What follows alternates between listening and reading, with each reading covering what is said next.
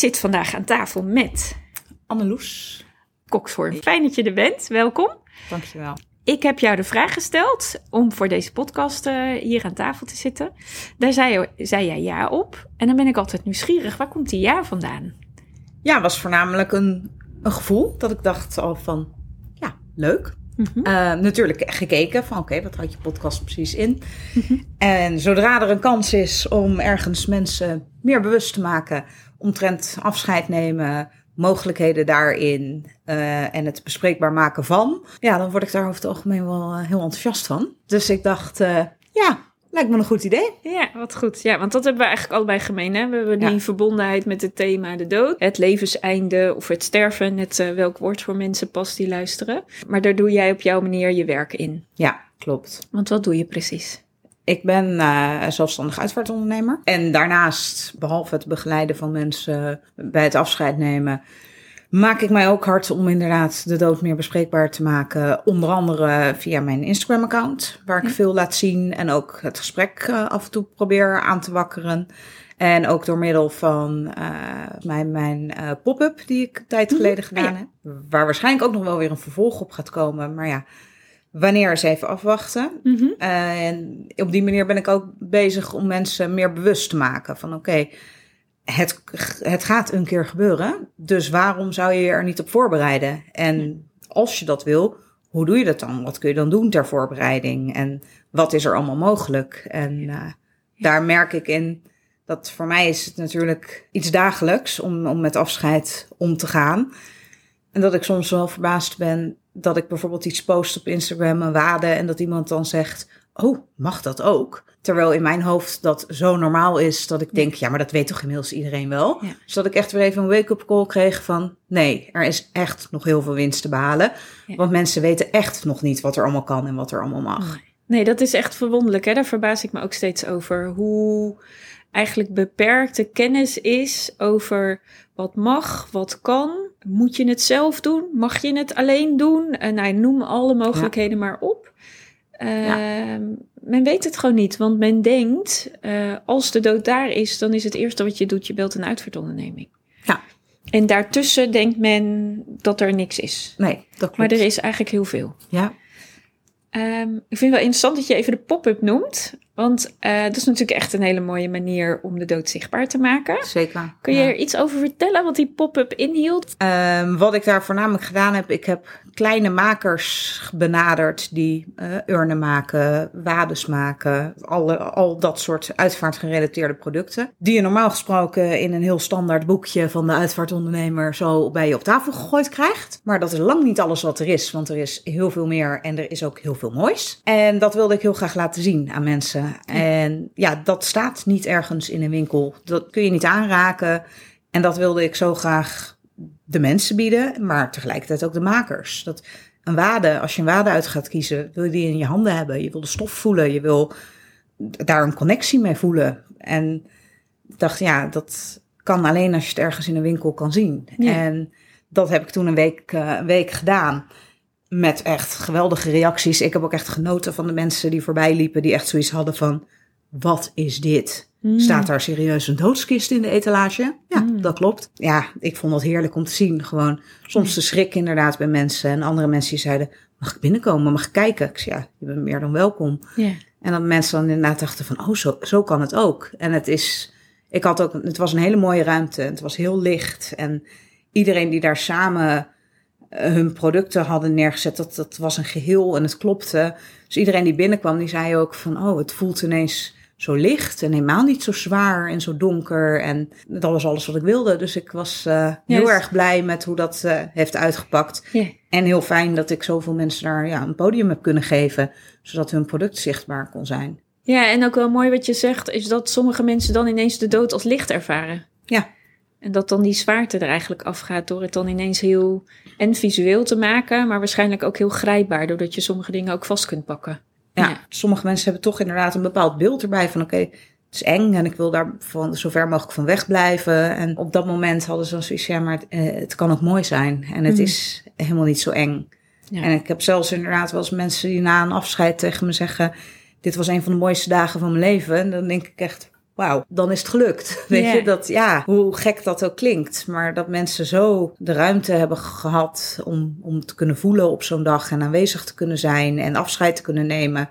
Dat het voor hen kloppend voelt. Ja, dat is het allermooiste compliment dat je als uitvaartondernemer kunt krijgen. Ja, en ook wel dat je dus, eh, kijk, als zij zeggen het is de mooiste dag eh, van mijn leven, dat er dus ook een soort dimensie van enorme eigenheid in zit die Ja. mensen dus hebben ervaren. Ja. Voor als ze dat je teruggeven, hebben ze dus heel erg gevoeld dat alles wat ze wilden en verlangden uiteindelijk ook zijn vorm heeft gekregen. En dat geeft alleen maar aan hoe ongelooflijk belangrijk dat is, dat Ja. dat kan en dat ze die ruimte hebben. Ik denk dat dat het belangrijkste is.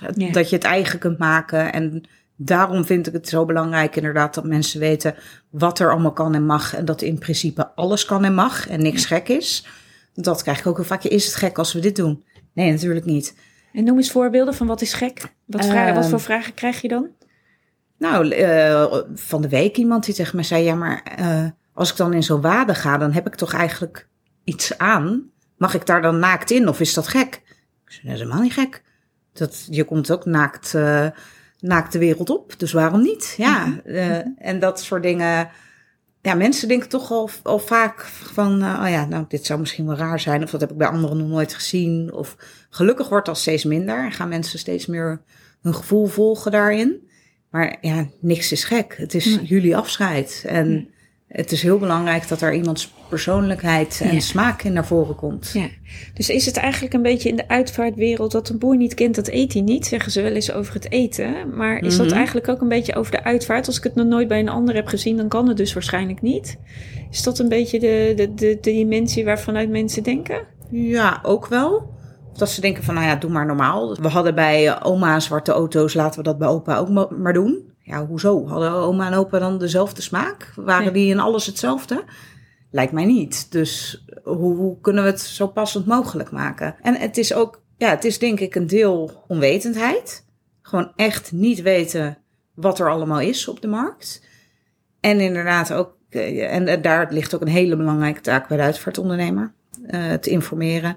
Want je kunt niet verwachten dat mensen zelf elke dag op zoek zijn naar wat er nu nieuw op de markt is gekomen. Dus ja, dat is voor ons een hele belangrijke taak. En daarnaast ja, hebben sommige mensen inderdaad ook gewoon, ja, laten we, laten we maar gewoon doen. Ja. Hey, en nou eh, ben jij zelfstandig uitvaartondernemer. En Merk je dan dat mensen naar jou toe komen omdat ze je op wat voor mani- manier ook kennen en zien dat jij een andere uitvoering realiseert? Ja, zeker. Als mensen bij mij terechtkomen, is dat wel echt een specifieke keuze voor mij over het algemeen. Daarnaast komen heel veel mensen ook omdat ze eh, waarderen hoe ik met de prijszetting omga. Dat ik daar heel transparant en heel open in ben.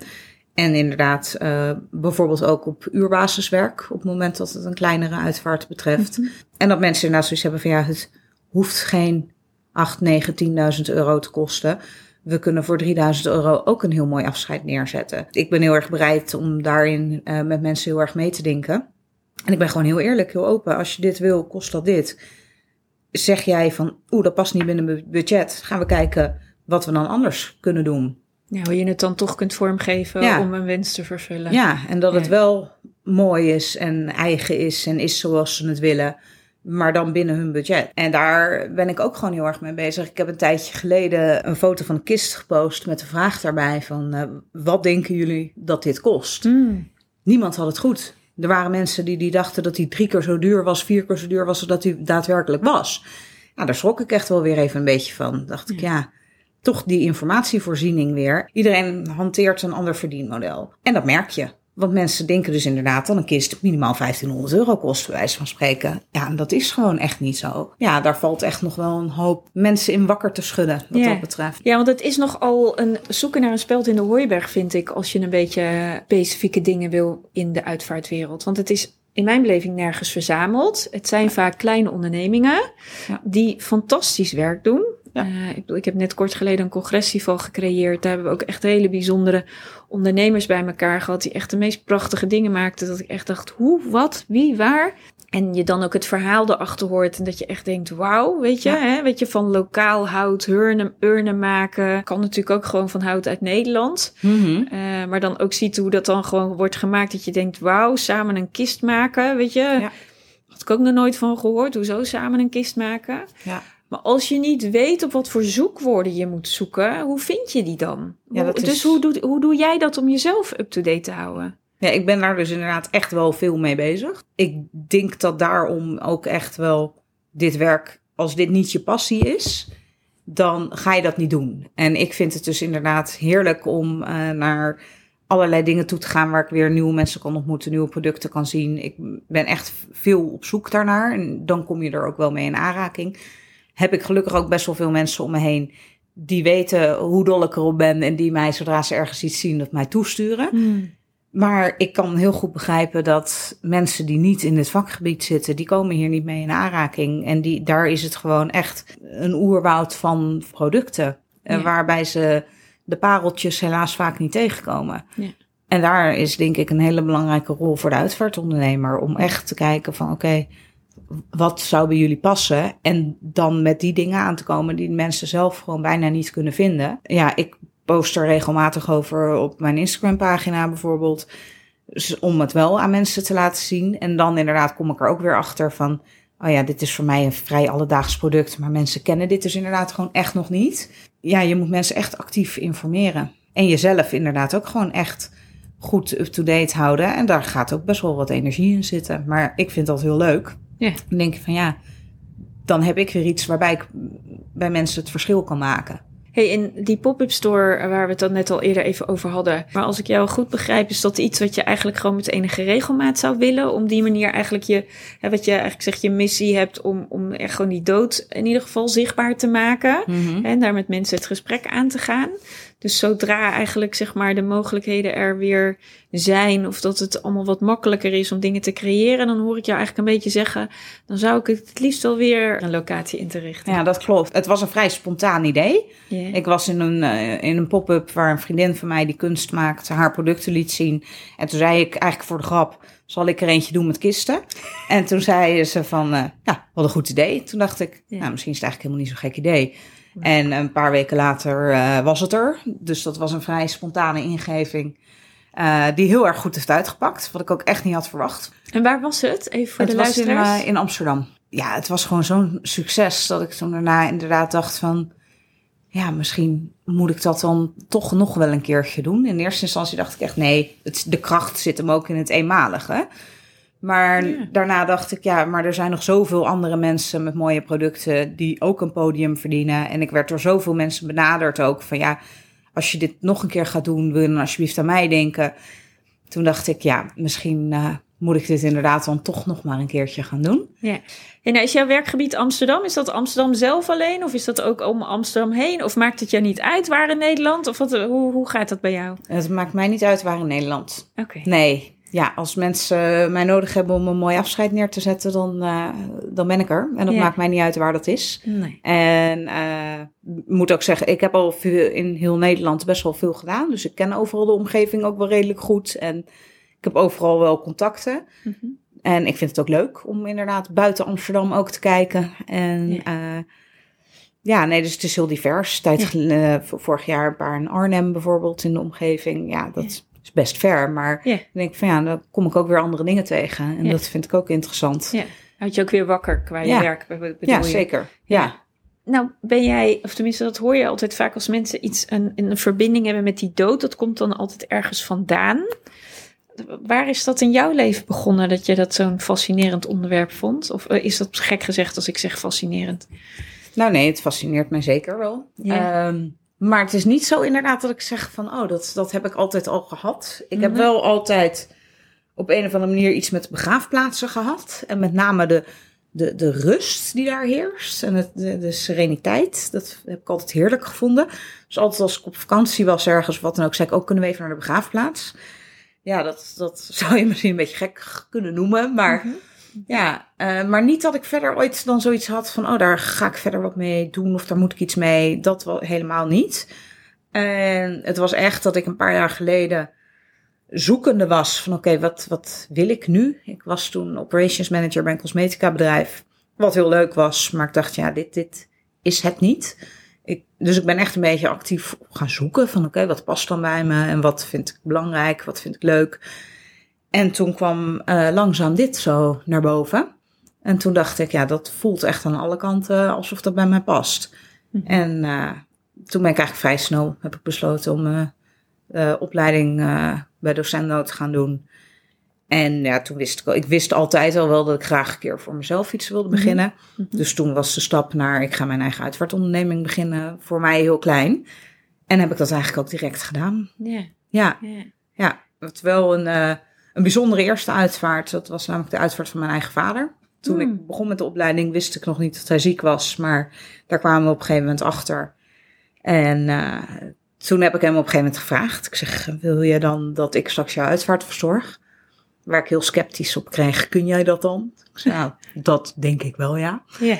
Lijkt mij een goede generale. Yeah. Dus uh, ja, maar dat ook heb wel ik, uh, lastig lijkt me. Want het is dan wel gelijk heel direct Ja. en persoonlijk. Komt uh, meteen heel dichtbij. Ja. ja. Aan de andere kant dacht ik ook van oké, mocht ik nou in één keer hier een hele rare frats uithalen, dan is het mijn eigen familie, dan is het niet zo heel erg. Kom ik er wel mee weg. Was gelukkig niet het geval. Daarnaast dacht ik ook van oké, als ik dit dus kan, qua eigen emotie die hierbij komt kijken, dan weet ik ook zeker dat ik het kan. Mhm. Want dat is natuurlijk wel, ja, met dit werk, uh, je, je weet nooit wat je tegenkomt van tevoren. Nee. Je weet niet hoe je je daarop kunt voorbereiden. Nee. Je moet het gewoon maar zien op het moment dat het, Ja. dat het zover is. Ja.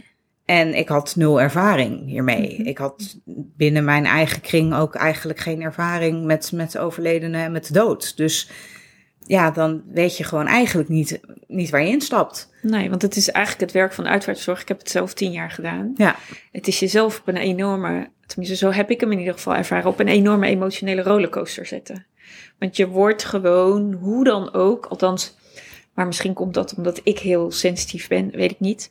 Je wordt gewoon geraakt in wat je tegenkomt. Ja, dat word je. Ja, Ja, dat op ligt aan allerlei manieren. Nee, nee. Nee, Eh, en dat, ja. eh, dat gebeurt gewoon. Want Ja. anders eh, kan je dit werk ook niet doen in mijn beleving. Dat ben ik 100% met je eens. Ik hoor soms wel eens mensen zeggen van... Uh, ja, je moet je daar op een bepaalde manier voor afsluiten. Dan denk Mhm. ik, nee, nee, dat moet je juist niet. Als je dat Nee. doet, kun je beter wat anders gaan doen. Ja. Nee, ik sluit mij hier niet voor af. Ik laat het binnenkomen. Ik, ik ervaar het, ik voel het. En ik heb het soms ook ontzettend moeilijk, inderdaad. Ja. En dat hoort erbij. Maar ik vind dat ook ik vind dat een verrijking. Ja. Als je werk hebt waarbij je zo zelf emotioneel ook kunt voelen, zie ik als een verrijking. Dat vind ik zo bijzonder. Ik zou me geen enkel ander werk voor kunnen stellen waarbij ik dat zo, zo zou kunnen hebben.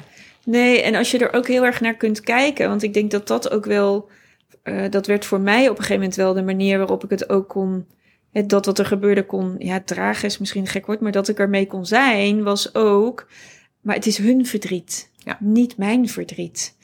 En daar waar ik word geraakt en waar het voor mij lastig is, dat zegt iets over mij. Ja. Maar al het andere verdriet is van hun. Ja, dat is waar. Nou kan het verdriet van een ander ook wel echt Ja, ja. enorm binnenkomen. Zeker. Uh, Zeker. en ja, weet je, ik ben gewoon wel iemand die, die wel ja, vrij groot empathisch vermogen heeft. Dus het verdriet van anderen raakt mij ook zeker wel. En dan niet eens per se in een stukje van mijn eigen verdriet wat ergens zit, maar ook wel gewoon dat hun emotie echt wel bij mij binnen kan komen. Mhm. Maar dan ja, denk ik ook, oké, okay, um, wat er gebeurd is, is verschrikkelijk. Um, daar kan ik niks aan veranderen. Wat ik kan doen, is zorgen dat we iets heel moois neer gaan zetten. Waar jullie iets aan hebben en waar jullie iets mee kunnen.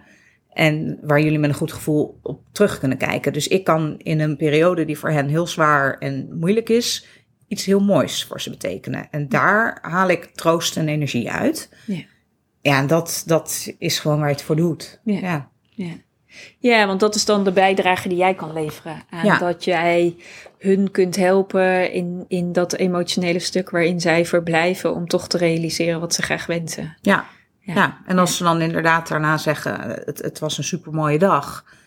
Ja, dan het, de dankbaarheid uh, die je dan van mensen krijgt en de voldoening. En ja, dat is gewoon echt... Uh, Ja. ja, dat is het andere stukje. Het is emotioneel soms zwaar, maar het geeft ook enorm veel voldoening. Ja. Ja. Het is, een in, het, is een, het is en blijft een interessant vak. Want je moet eigenlijk. ehm, eh, ja, ik zeg altijd: je moet multidisciplinair zijn. Ja. Omdat je natuurlijk zoveel verschillende dingen doet. Hè? Of je nou met een klein gezelschap of een groot gezelschap. Of nou ja, mensen die communicatief niet vaardig zijn, maar Ja. toch wensen hebt. En je voelt van ja, er ligt hier wel iets, maar ja, hoe krijg ik het eruit? Of nou weet je, Klopt. mensen die eh, met hun gat op de portemonnee zitten en eigenlijk Mhm. wel geld hebben, maar denken ja, maar er moet toch maar mindere euro's uit.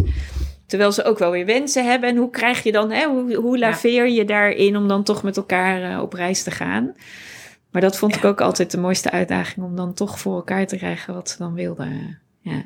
Ja, ja, dat herken ik. Dat is echt. Je, want ik heb inderdaad als mensen die zeggen van ja, ik wil heel graag uitvaartondernemer worden. En eh, ja, ik ben zo goed in mensen steunen. Dan denk ik, nou, fijn, super belangrijk. Maar kun jij ook binnen een week een event organiseren? Want dat is eigenlijk wat je aan het doen bent. Ja, Maar dan binnen een week. Ja, Ja. ja. Dus je moet eh, snel kunnen schakelen. Je moet stressbestendig zijn. Ehm, je weet van tevoren niet waar je terechtkomt, met welke familie je te maken krijgt. De familieverhoudingen. Regelmatig eh, eh, ben ik als een soort bemiddelaar ook te werk gegaan. Weet je, ja, het is als er ineens iemand uit de familie opstaat en wegloopt en zegt: Ik kom niet naar de uitvaart. Ja, dan eh, grijp ik wel in. Dan gaan we wel even met elkaar in Mhm. gesprek. Mhm. Dan denk ik niet van: Nou, zoeken jullie het onderling maar uit. Nee. Dus het is super divers, inderdaad. En daarnaast moet je inderdaad dus zorgen dat jij de juiste mensen kent om ook weer inderdaad de wensen van de familie in te kunnen vullen. En Ja. ja, het is zo, je moet eigenlijk best wel veel kunnen. Ja, Ja, Ja. en ik vind dat heel fijn, want Ja. dat zijn toevallig de dingen waar ik goed in, nou, dat is niet helemaal toevallig natuurlijk, maar Nee. dat zijn de dingen waar ik goed in ben. Dus ja, voor mij is dat heerlijk. ja. Maar ik eh, hoor inderdaad ook regelmatig mensen die zeggen van oké, maar ik, het hele stukje, het, bijvoorbeeld het altijd bereikbaar zijn. Hmm. Oh ja, hoe is dat voor jou? Hoe doe jij dat? Ja, ik heb daar geen probleem mee. Maar ik kan me wel voorstellen dat er mensen zijn die zeggen, ja, maar dat stukje, dat wil ik niet. Nou, dan kun je inderdaad, dus natuurlijk zijn er oplossingen. Ja. Ik kies daar bewust niet voor. Mensen, als ze mij bellen, dan, dan bellen ze mij. Kiezen ze bewust voor mij, dan wil ik ook degene zijn die de telefoon opneemt. Mhm. Ik ben ook degene die naar ze toe komt. Ehm, en dat vind ik gewoon dat ik dat moet bieden aan mensen. Ja. Eh, maar dat kan inderdaad best wel intensief zijn. En dat betekent inderdaad ook dat ik s'nachts ook bereikbaar ben. Ja, dat hoort er voor mij bij. Ehm, en dat, ik vind dat niet erg. Maar ik kan me ook voorstellen inderdaad dat mensen zeggen... ja, maar dat vind ik veel te belastend. Ja. Ja, Ja, want als je even eh, kijkt naar de cijfers ehm, in Nederland, dan is dit vak het, het, het hardst groeiende vak in zelfstandigheid eh, van de afgelopen twee jaar. ja, Het is echt bizar gewoon Ja. eh, hoe ongelooflijk veel mensen als zelfstandigen zijn begonnen. ja. ja vind, ik, eh, vind ik heel mooi. Ja, Ja, want ja, weet je, hoe meer smaken er zijn, hoe beter het bij de, bij de mensen past. En Ja. ja. juist die keuzevrijheid vind ik super belangrijk. En daarnaast zie je inderdaad ook dat er best wel wat zijn die heel enthousiast beginnen en zich vergist hebben en het toch niet zo lang volhouden. Ja, dat gebeurt helaas ook. Mensen verkijken zich er denk ik wel op hoe intensief eh, het kan zijn. Eh, en ik denk dat je zelf vrij stevig in je schoenen moet staan om er mee om te kunnen gaan. Met inderdaad en het altijd bereikbaar zijn, het best wel harde werken en de emoties die erbij kunnen komen kijken. Ja.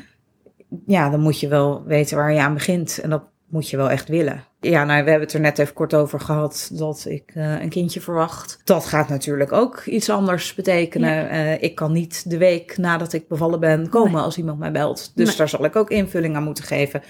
En dat vind ik ook best wel moeilijk. Want ja, mijn werk is wel mijn, mijn nummer één. Ook al zit ik ergens met mijn vriend, als ik gebeld word, ga ik weg. Sorry. Ja, dat gaat gewoon voor. Dat doe je niet meer zo snel als je een kindje hebt. Nee. Die kun je niet, eh, kun je niet zeggen, nou zoek het maar even uit. eh. dus dat zal zeker wel even schakelen worden. Maar ja, Ja. daarbij denk ik ook van oké, ik zie op dat moment wel hoe het gaat en hoe dat is. Ik ben niet zo heel erg van het vooruitkijken, want je weet het toch niet van tevoren. Hmm.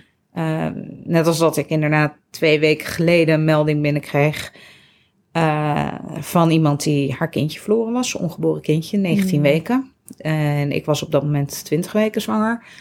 Toen dacht ik even wel van, oh, dat, ja, weet je, dat komt dan ineens heel dichtbij. Ja. Maar niks in mij zei, oh, dit kan ik niet, of dit wil ik niet, of dit ga ik niet doen, ik ga jullie niet helpen. Ik had direct zoiets van, ja, ik ko- kom er nu aan.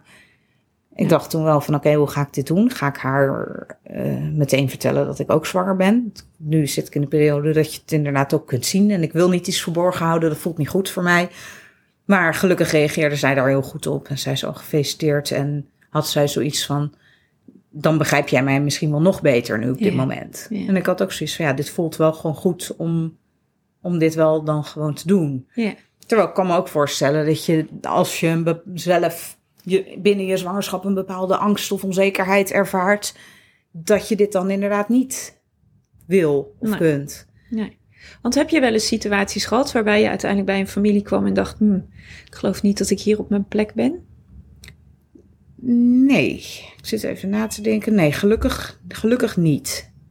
Ik heb altijd, en, maar ik zeg ook altijd tegen, tegen mensen tijdens een eerste gesprek van als het voor jullie op een of andere manier niet goed voelt, of maar wat me dan wel zo verbaast, want als het voor mij wel goed voelt en voor een ander niet, dan klopt er echt helemaal Mhm. iets niet. Mhm. Maar eh, met name als mensen voorbereidende gesprekken aanvragen, want dan hebben ze ook de tijd. Ja. Ik zeg, ga ik alsjeblieft nog met iemand anders in gesprek als je dat wilt. En kijk wat voor jullie goed voelt. Dat is het allerbelangrijkste. Ja.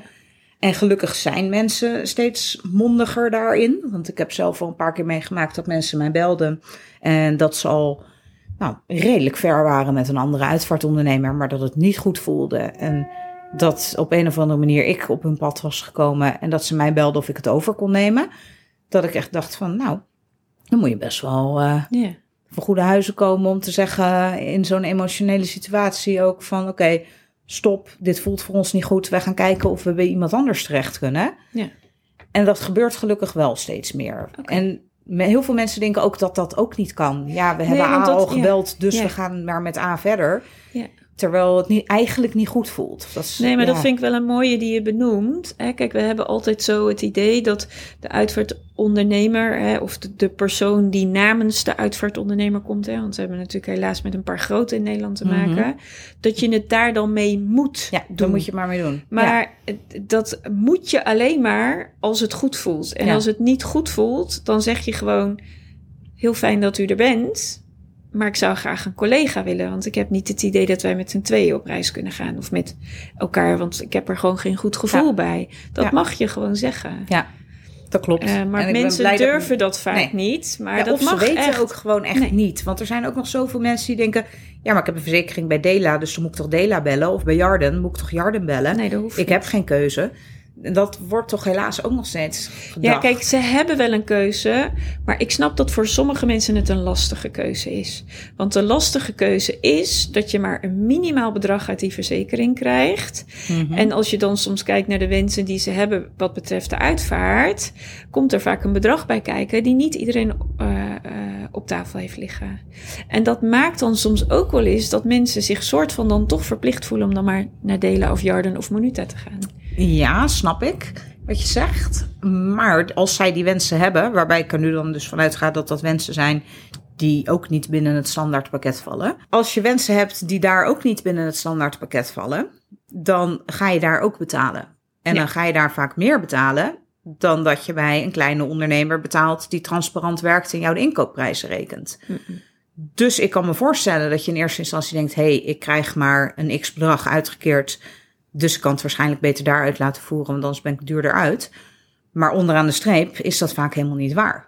Nee, dus, wat je, dus eigenlijk wat je daarmee ook gelijk weer zegt, bereid je voor Ja. en laat je informeren Ja. en ga met meerdere mensen in gesprek. Ja. Hè, desnoods ook met daar waar je een verzekering hebt, maar ook met daar die eh, niet door die verzekeraar eh, eh, wordt, eh, eh, in wordt geschakeld als er een Zeker. overlijden is. En ga gewoon met elkaar praten en kijken wat de mogelijkheden zijn. En dan kan je soms verrast worden over wat er kan en wat er mag, maar ook wat dat uiteindelijk onderaan de streep uit, eh, oplevert. Ja, Ja. helemaal mee eens. Ja, dat klopt. Je zegt het precies goed. En dat Ja. is, ja, die voorbereiding vind ik inderdaad heel waardevol en heel belangrijk. En, eh, want ik kan me ook goed voorstellen dat je je wel laat overrompelen in zo'n week. En dat je inderdaad eh, de verzekeraar belt. En ja, die komt uiteraard langs. Die staat al bij, de, bij je voor de deur.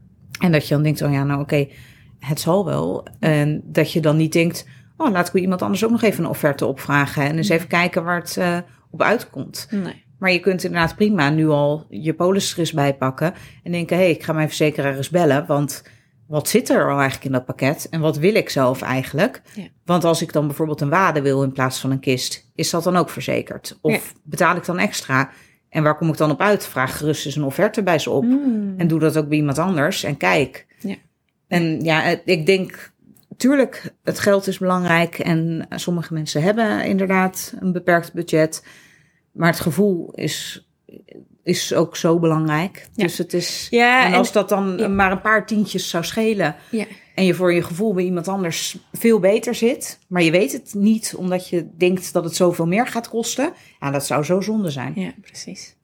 Hey, en je noemde net al eerder even over voorbereiden. Hè? Dat Ja. jij ook wel uitgenodigd wordt door mensen die al van tevoren graag eh, dingen willen weten. Ja. Heb jij het, merk jij dat dat aan het toenemen is?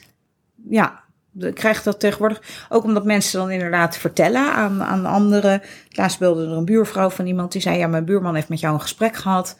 En die zei dat ik dat ook eens moest doen ter voorbereiding. Dus zou je langs willen komen? En dan Ja. denk ik echt van: Yes, heel Ja. goed. Weet je? En, dan, en ik merk dat andere mensen altijd denken: Oh, maar gaat die mevrouw dan binnenkort dood? Nee, ja, of misschien wel, want dat weet je niet. Nee. Ehm, dus ja, ik ben er altijd heel blij mee. Ik denk echt, ja, het geeft eh, zoveel rust. En het zorgt voor creativiteit. Want ik kom met een bepaalde input. Dus mensen gaan nadenken van, oh, dit kan ook, dit kan ook. Oh, daar ga ik me eens in verdiepen. Oh, in plaats van dat ik een wade koop, mag ik ook iets uit mijn eigen kast gebruiken. En ze gaan op zoek. En het wordt daardoor steeds meer eigen. Er komt meer creativiteit. En het geeft, het geeft ook meer ruimte voor creativiteit, ook in de week van de uitvaart zelf. En voor de emoties en het samen zijn, want dat is wat je wil in zo'n week.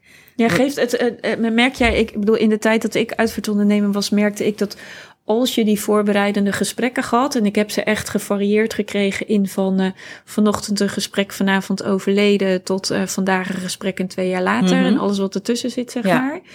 Eh, maar ik merk wel dat als die voorbereid, of wat ik toen de tijd merkte, dat als je die voorbereidende gesprekken had gehad, dat er dan voor het moment dat daadwerkelijk alles geregeld moest worden, hè, want in die voorbereiding leg je dan alvast al wel een aantal dingen vast. Maar als het dan daadwerkelijk geregeld moet worden, dat er veel meer rust Ja. eh, aanwezig is bij Zeker. mensen die achterblijven. En dat ze gewoon helder hebben wat wil, eh, wat is er gewenst en eh, Mhm. wat, wat zijn de mogelijkheden. hè? Dat dat allemaal Ja. al een beetje uitgestippeld is. Klopt. Is dat ook wat jij ervaart? 100 procent. Het, ge- het geeft inderdaad meer rust en zoals ik net aangaf, meer ruimte voor inderdaad ja, de dingen die er wat mij betreft toe doen. Het, het, En wat, zijn, wat noemen eens dingen dan die ertoe doen? Wat, wat, wat nou, zijn ruimte dingen voor de emotie en ruimte om, om samen te zijn. En in plaats van dat je inderdaad de hele dag alleen maar adressen aan het verzamelen bent en in Excel aan het zetten bent, eh, kun je met vrienden eh, samen zijn en herinneringen ophalen en samen eten en de steun ontvangen waar je zo behoefte aan hebt omdat de tijd er is. Want die Mhm. Excel-lijst met adressen, die is er al, die is klaar. Mhm. En mensen vergissen zich ook in hoeveel tijd dat gaat kosten. Ja. En het is heerlijk als dat er ligt. En als niet de hele familie eh, op zoek moet naar eh, allerlei adressen van mensen die misschien ook wel een kaart zouden moeten krijgen. Ja. Ja, en het is helemaal niet zo'n grote moeite om dat voor te bereiden. Nee. Nee. En dat, eh, ja, dat heeft echt een meerwaarde. Dat Ja. scheelt zoveel tijd. Ja. En het is echt heel druk in zo'n week. Er gebeurt heel veel, er moet heel veel geregeld worden. Daarnaast ben je gewoon minder scherp, want je bent emotioneel, je bent moe. De telefoon gaat de hele dag. Dat heb ik ook meegemaakt toen mijn vader overleed. Iedereen belt, iedereen staat voor de deur. Wat is er gebeurd? Hoe ging het dan de laatste dagen? En iedereen wil steun betuigen. En dat is heel fijn. En dat is ook fijn als je dus de tijd hebt om dat te kunnen ontvangen. Ik merk ineens dat er heel veel dingen rondom die uitvaart, die ik graag even wil benoemen, waarvan mensen denken dat moet allemaal snel. Eén daarvan is, als iemand is overleden, dan moet die à la minuut worden opgehaald. Dat hoeft helemaal niet. Nee. Het, het enige wa- wat jij moet op dat moment is doen wat voor jou goed voelt. Dat is wat je, wat je moet. Wat mag er wel als iemand net is overleden? Wat is- zijn en samen zijn en elkaar steunen en afscheid nemen. Ja. Dat mag en dat is Mhm. super belangrijk. Mhm. Ik zeg ook altijd tegen mensen: zeg ja, als, als degene dan overleden is, moeten we jou dan meteen bellen? Nee, bel me als je daar klaar voor bent. En dat, dat mag na tien minuten zijn, maar dat mag ook na een uur zijn, na twee uur zijn. Neem alsjeblieft je tijd. Want dat zijn momenten die je ook niet terugkrijgt. En dat is, eh, ja, dat is heel belangrijk. En, Ja. dat, eh, en inderdaad, wat jij net zei, opgehaald. Ja, er hoeft helemaal niemand te worden opgehaald. Want je mag ook thuis opgebaard worden. Je mag thuis blijven. Ja. En dat merk ik ook altijd, dat dat bij mensen, ja, echt. Ik zie bij mensen echt een soort last van ze afvallen soms op het moment dat ik dat zeg. Dat ik zeg, je mag gewoon, oh, ik mag gewoon thuis.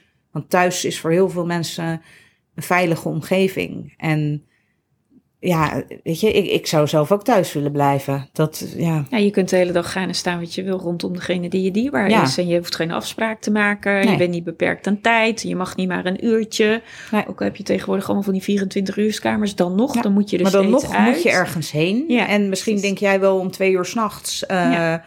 ik wil nu heel even. Ja, ga je dan om twee uur s'nachts in de auto stappen en Nee, rij je ergens je heen? niet. Dan denk je, nou, dan ga ik wel morgenochtend. Maar je wil eigenlijk om twee uur s'nachts, want op dat moment heb je er behoefte aan. Ja. En als iemand thuis is, dan kan dat. Ik heb het bij mijn vader meegemaakt, want mijn moeder die zei hier thuis, nou, dat gaan we echt niet doen, zei ze van tevoren. Toen dacht ik, oké, nou, later even, we kijken wel. En toen het zover was, toen eh, zei ik van, zullen we dat toch proberen? Zei ze, nou, ik zei, en als je nou morgen denkt nee, dan kan hij morgen alsnog ergens anders heen. Ja. Want, en andersom ook. Als je de eerste dag hebt gedacht van, oh, toch ergens anders opbaren. En je denkt na twee dagen, voelt toch niet goed, ik wil iemand thuis. Nou, dan komt iemand weer naar huis. Kan allemaal. Uiteindelijk hoorde ik mijn moeder elke avond even, even zeggen dat ze naar bed ging. En even nog wat vertellen. En elke ochtend ging ze ook even kijken. En ze zei inderdaad na twee dagen tegen mij, ik ben toch wel heel blij dat papa thuis is. Ja. Ja, en dan op dat soort momenten, ja, dan, eh, dan maakt mijn hart een huppeltje. Dan Ja, denk ik, yes, zeker. Ja, ik ben blij dat ik dit toch... Terwijl ik kan me voorstellen dat mensen denken van tevoren van... eh, dat vind ik eng, vind ik onprettig. Ja, dat snap ik ook wel. Ja. Voor sommige mensen is het ook eng. Hè? Ja. Ik bedoel, jij en ik zijn er heel erg. eh, hè, wij kunnen heel goed met dat thema zijn. En dus ook met overleden mensen. Ja. Maar dat is niet voor iedereen zo. Nee. Hè, dus daarin hebben we ook altijd rekening te houden. Want ja, voor die ander kan het heel spannend zijn. Ja. En heel erg indringend. En eh, nou ja, en, en dat mag hè, en dat is oké. Ja, zeker. Maar dat betekent niet dat er dan alsnog ruimte kan zijn dat het wel kan gebeuren. Dat klopt. En daarom Ja. zeg ik inderdaad ook altijd tegen mensen... ik kan me goed voorstellen dat je van tevoren denkt... hé, hey, dat vind ik spannend. Maar kijk hoe het op dat moment voelt. Want dat weet je gewoon niet. Nee, je kan weet het het echt echt- pas in het Ja. moment. Ja. Hey, en dan hebben we nog zo'n andere. Je moet altijd in een kist. Ja, tuurlijk moet dat. Je hebt geen andere optie. Geen keuze. Keuzevrijheid doen we niet meer. Nee. Ja, nee, dat hoeft niet. Oh. En als het al wel zo is, omdat je dat graag wilt, dan mag dat ook een zelfgemaakte kist zijn, bijvoorbeeld. Want wat jij zei over lokale producten, er zit bijvoorbeeld een houtzagerij in Amsterdam en die maakt kisten van Amsterdamse hout. Oh, Ja, hoe mooi is dat Ja, als jij in Amsterdam geboren en getogen bent? Ja. Dus dat kan. Maar als jij ervoor denkt van nou zo'n kist, dat lijkt mij niks.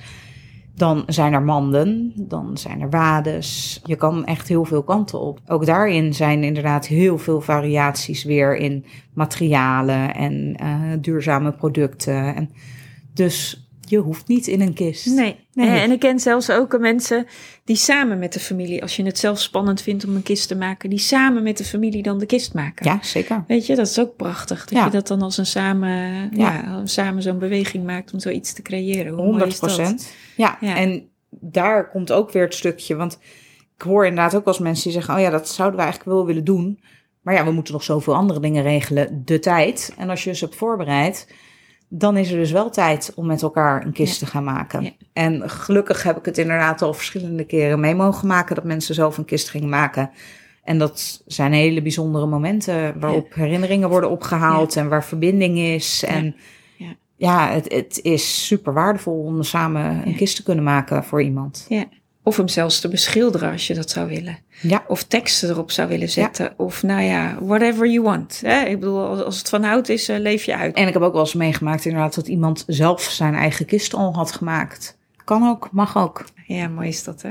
hey, en ehm, je moet echt uit zo'n boek zo'n rouwkaart kiezen. Ja, dat moet wel. Nee. Nee? Dat hoe, is hoe ook, zit het eh, in de wereld van de kaart? Maar moet je überhaupt een kaart Nou, maken? ik wou net zeggen, voor mij, eh, als je geen kaart stuurt, stuur je geen kaart. is ook prima. Eh, kan ook digitaal bijvoorbeeld. Ehm, want tegenwoordig eh, gebeurt er heel veel al inderdaad gewoon via WhatsApp en zo. Dus, oh ja, is dat eh, zo via eh, gewoon eh ja, eh, je kunt digitaal een kaart maken en die kun je gewoon via WhatsApp naar mensen sturen. Ja. Eh, dan hebben ze hem ook nog eens meteen super handig. Heb je ook geen drukkosten. Dus als je op budget moet letten, is Ja. dat natuurlijk ideaal. Ja. kan me wel voorstellen dat je zegt: oké, maar ik wil ook iets tastbaars hebben, wat ik ook nog thuis neer kan zetten, waar ik naar kan kijken. En uh, dan is het drukken van een kaart natuurlijk hartstikke mooi. En uh, gebeurt ook echt nog wel veel. Maar ja, je kunt hem helemaal zelf maken zoals je het wil, in het formaat wat je wil. Ja. Wel of geen rouwrandje eromheen. Je mag het allemaal lekker helemaal zelf weten. Of zo'n envelop met zo'n lijntje erop, ja. wat dan laat zien dat het een rouwkaart is. Ja. Met zo'n speciale postzegel. Dat hoeft ook allemaal niet. Zo, nou, het is wel, uh, de post herkent ja, natuurlijk dat klopt. Het is een herkenning die, voor de post. Ja, ja. En, en die, die, zorgt dat ze de volgende dag netjes bezorgd worden. Dus wat dat betreft zou ik zeggen, ja. Wat dat die, is, die is dan weer positief, wel, zeg ja, maar. zou ik ze wel ja. markeren. Ja. Of het een hele gezellige zegel is, laten we dat buiten beschouwing nee. laten. Ja. Maar goed, het is wel, uh, wel handig daarvoor. Ja, maar... Um, maar nee, daarin verder. zijn de ontwikkelingen dus ook heel erg in beweging. Hè? Ja. En het is ook wel mooi dat daar dus in de diversiteit van is er budget, is er geen budget, weet je, dat je daar tegenwoordig ook heel makkelijk in, Ja. kunt, uh, in kunt bewegen. Ja, en weet je, één foto op de voorkant. Ja, waarom wil je hem... Als jij geen foto wil, doen we geen foto. En wil je tien foto's, doen we tien foto's. Ja, ja. Uh, we hebben ook nog een achterkant. Wil je daar ook foto's? Ja. Ja, vind goed. Als dat bij iemand past, Ja. Dan doen we dat. Ja. En ja, zo simpel is het eigenlijk gewoon. Wat je wil, gaan we realiseren. Ja. Ja, Ja, en dat is wel mooi, hè? Want ehm, waar je dan uiteindelijk op uitkomt, en ik zet ze gewoon even zo stellig neer, omdat ik weet dat het ook heel veel vragen zijn waar mensen mee rondlopen. Ja. Maar eigenlijk als we even, hè, als, als ik nou het bandje terug zou spoelen hè, eh, van wat we net bespreken, is eigenlijk wat we iedere keer weer zeggen: alles kan als jij het wil. Ja. En als jij het wil, dan gaan we het gewoon mogelijk maken. Ja. Want uiteindelijk is dat met alles rondom de uitvaartweg Ja. die je kunt bewandelen. dat klopt. En ik heb, ja, weet je, ik hoop altijd dat iedereen dit aan mensen vertelt. Maar ik heb helaas inderdaad nog wel eens dat ik bij mensen kom.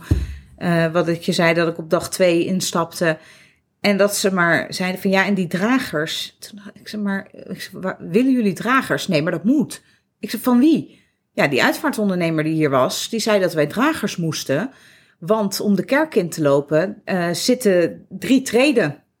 Ik zei ja, en jullie kunnen geen trap lopen. Ja, ja, wel. Ik zei nou, ik denk dat jullie ook wel drie treden opkomen met een kist, als ik heel eerlijk ben. Waren jonge, fitte mensen.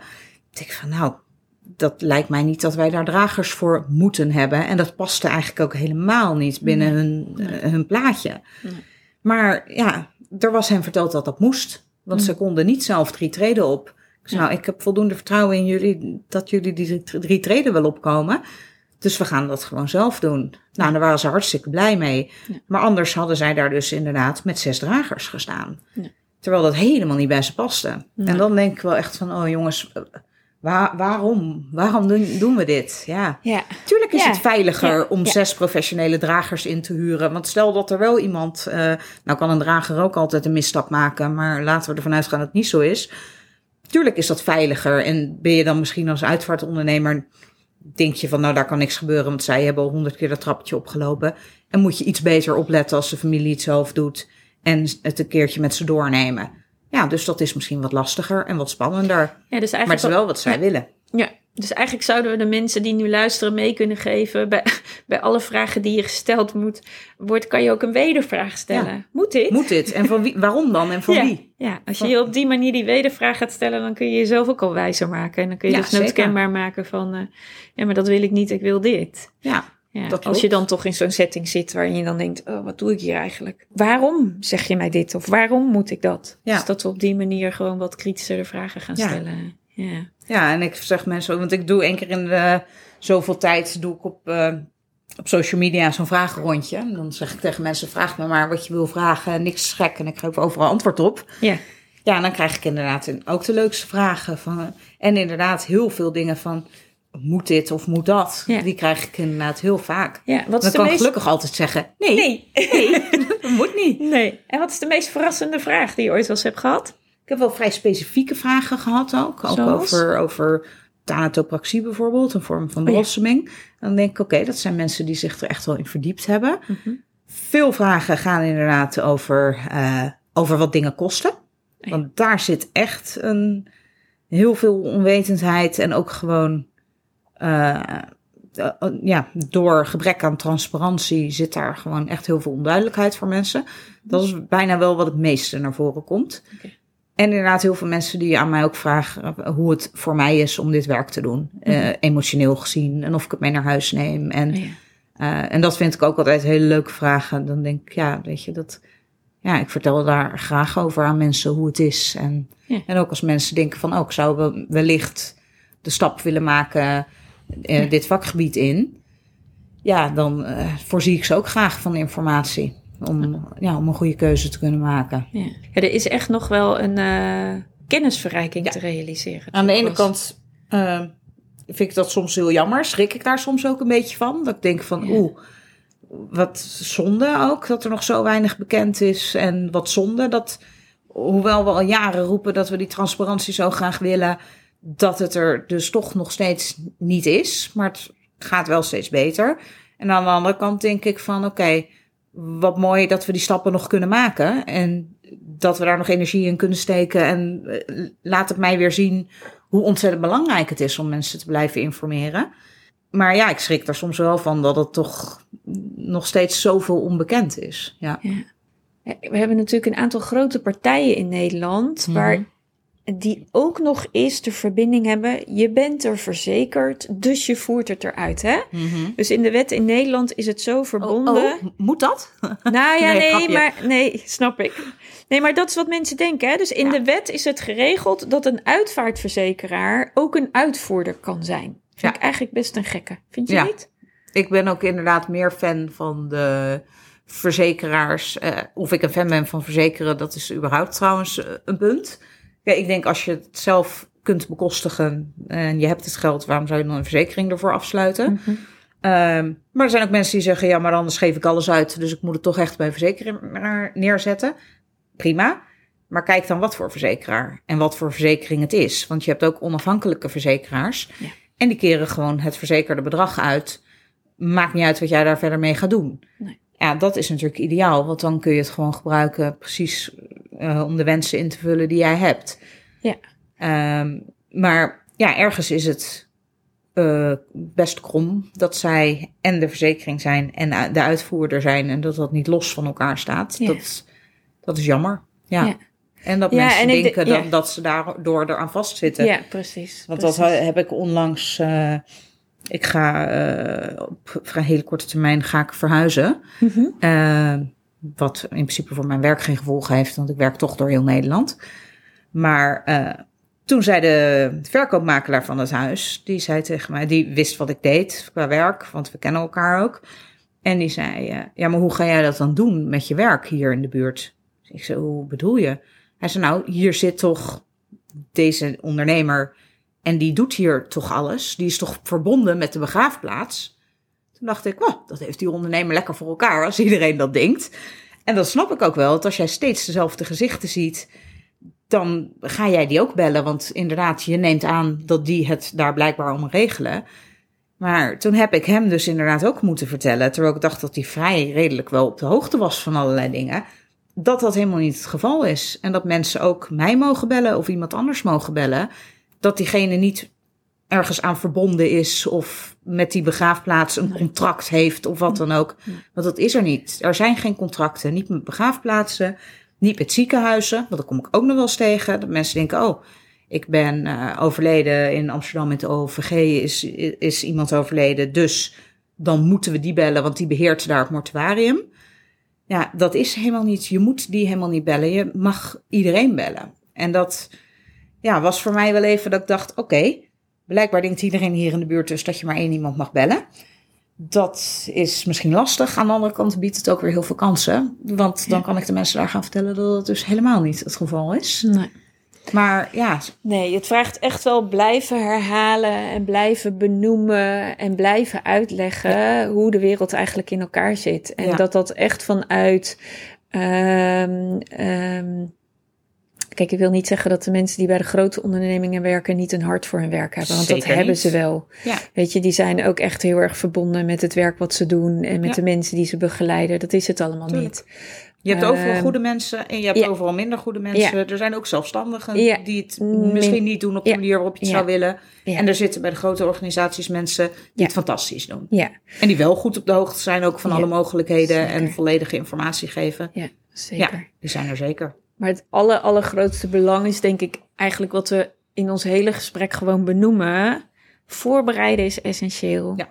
Kijk verder dan je neus lang is. Kijk in je eigen papieren wat je hebt aan, Ja. aan een een uitvaartverzekering of wat, je- wat je dan ook hebt. En kijk of je daaraan verplicht bent of niet. En zo ja, hè, in ja, principe dat- dat ben je dus ben je dus nooit. Nee.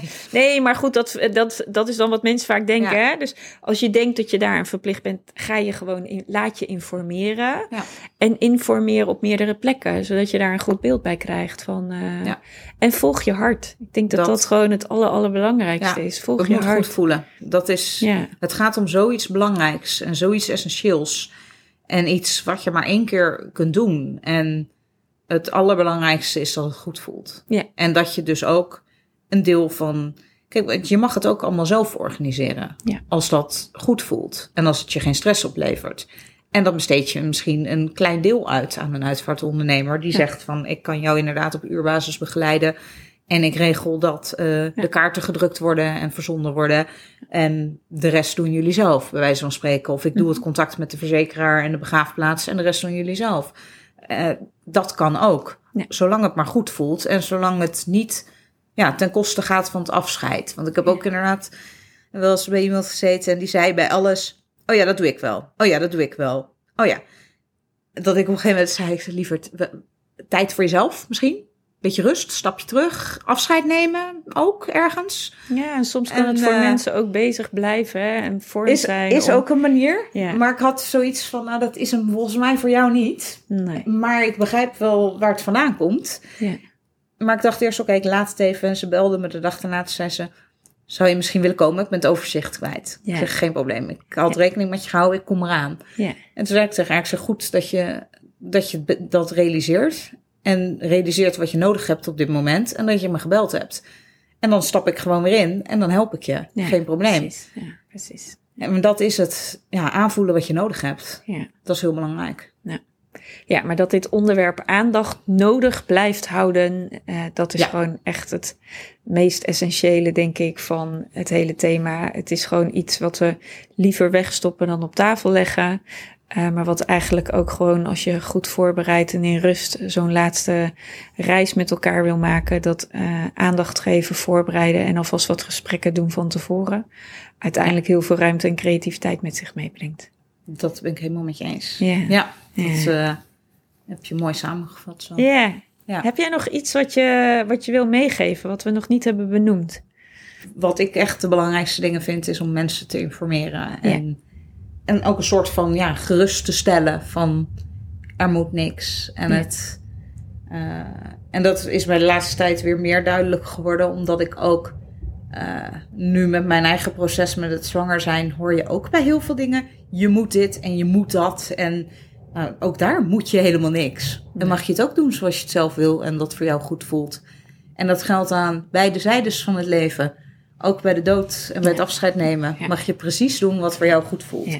Natuurlijk zijn er een paar regels waar je je aan moet houden. Tuurlijk. Ja. Dat is nou eenmaal zo. Ja. Ehm, maar daaromheen mag je er helemaal zelf invulling aan geven. En daar zit hem juist de meerwaarde. Nou, en volgens mij hebben we een heel mooie ronde gemaakt eh, met dit thema, allerlei facetten aangeraakt. Zeker. En eh, wil ik je ongelooflijk bedanken voor eh, jouw bijdrage. Nou, jij ook bedankt. En Ja. fijn ook dat jij je op deze manier inzet om Zeker. mensen meer bewust te maken. En Ja.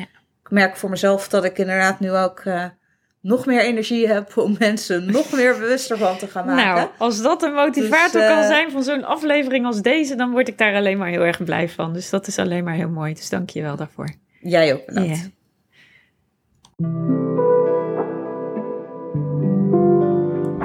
Je hebt geluisterd naar de podcast Doodnormaal. Mijn missie is om het levenseinde doodnormaal te maken.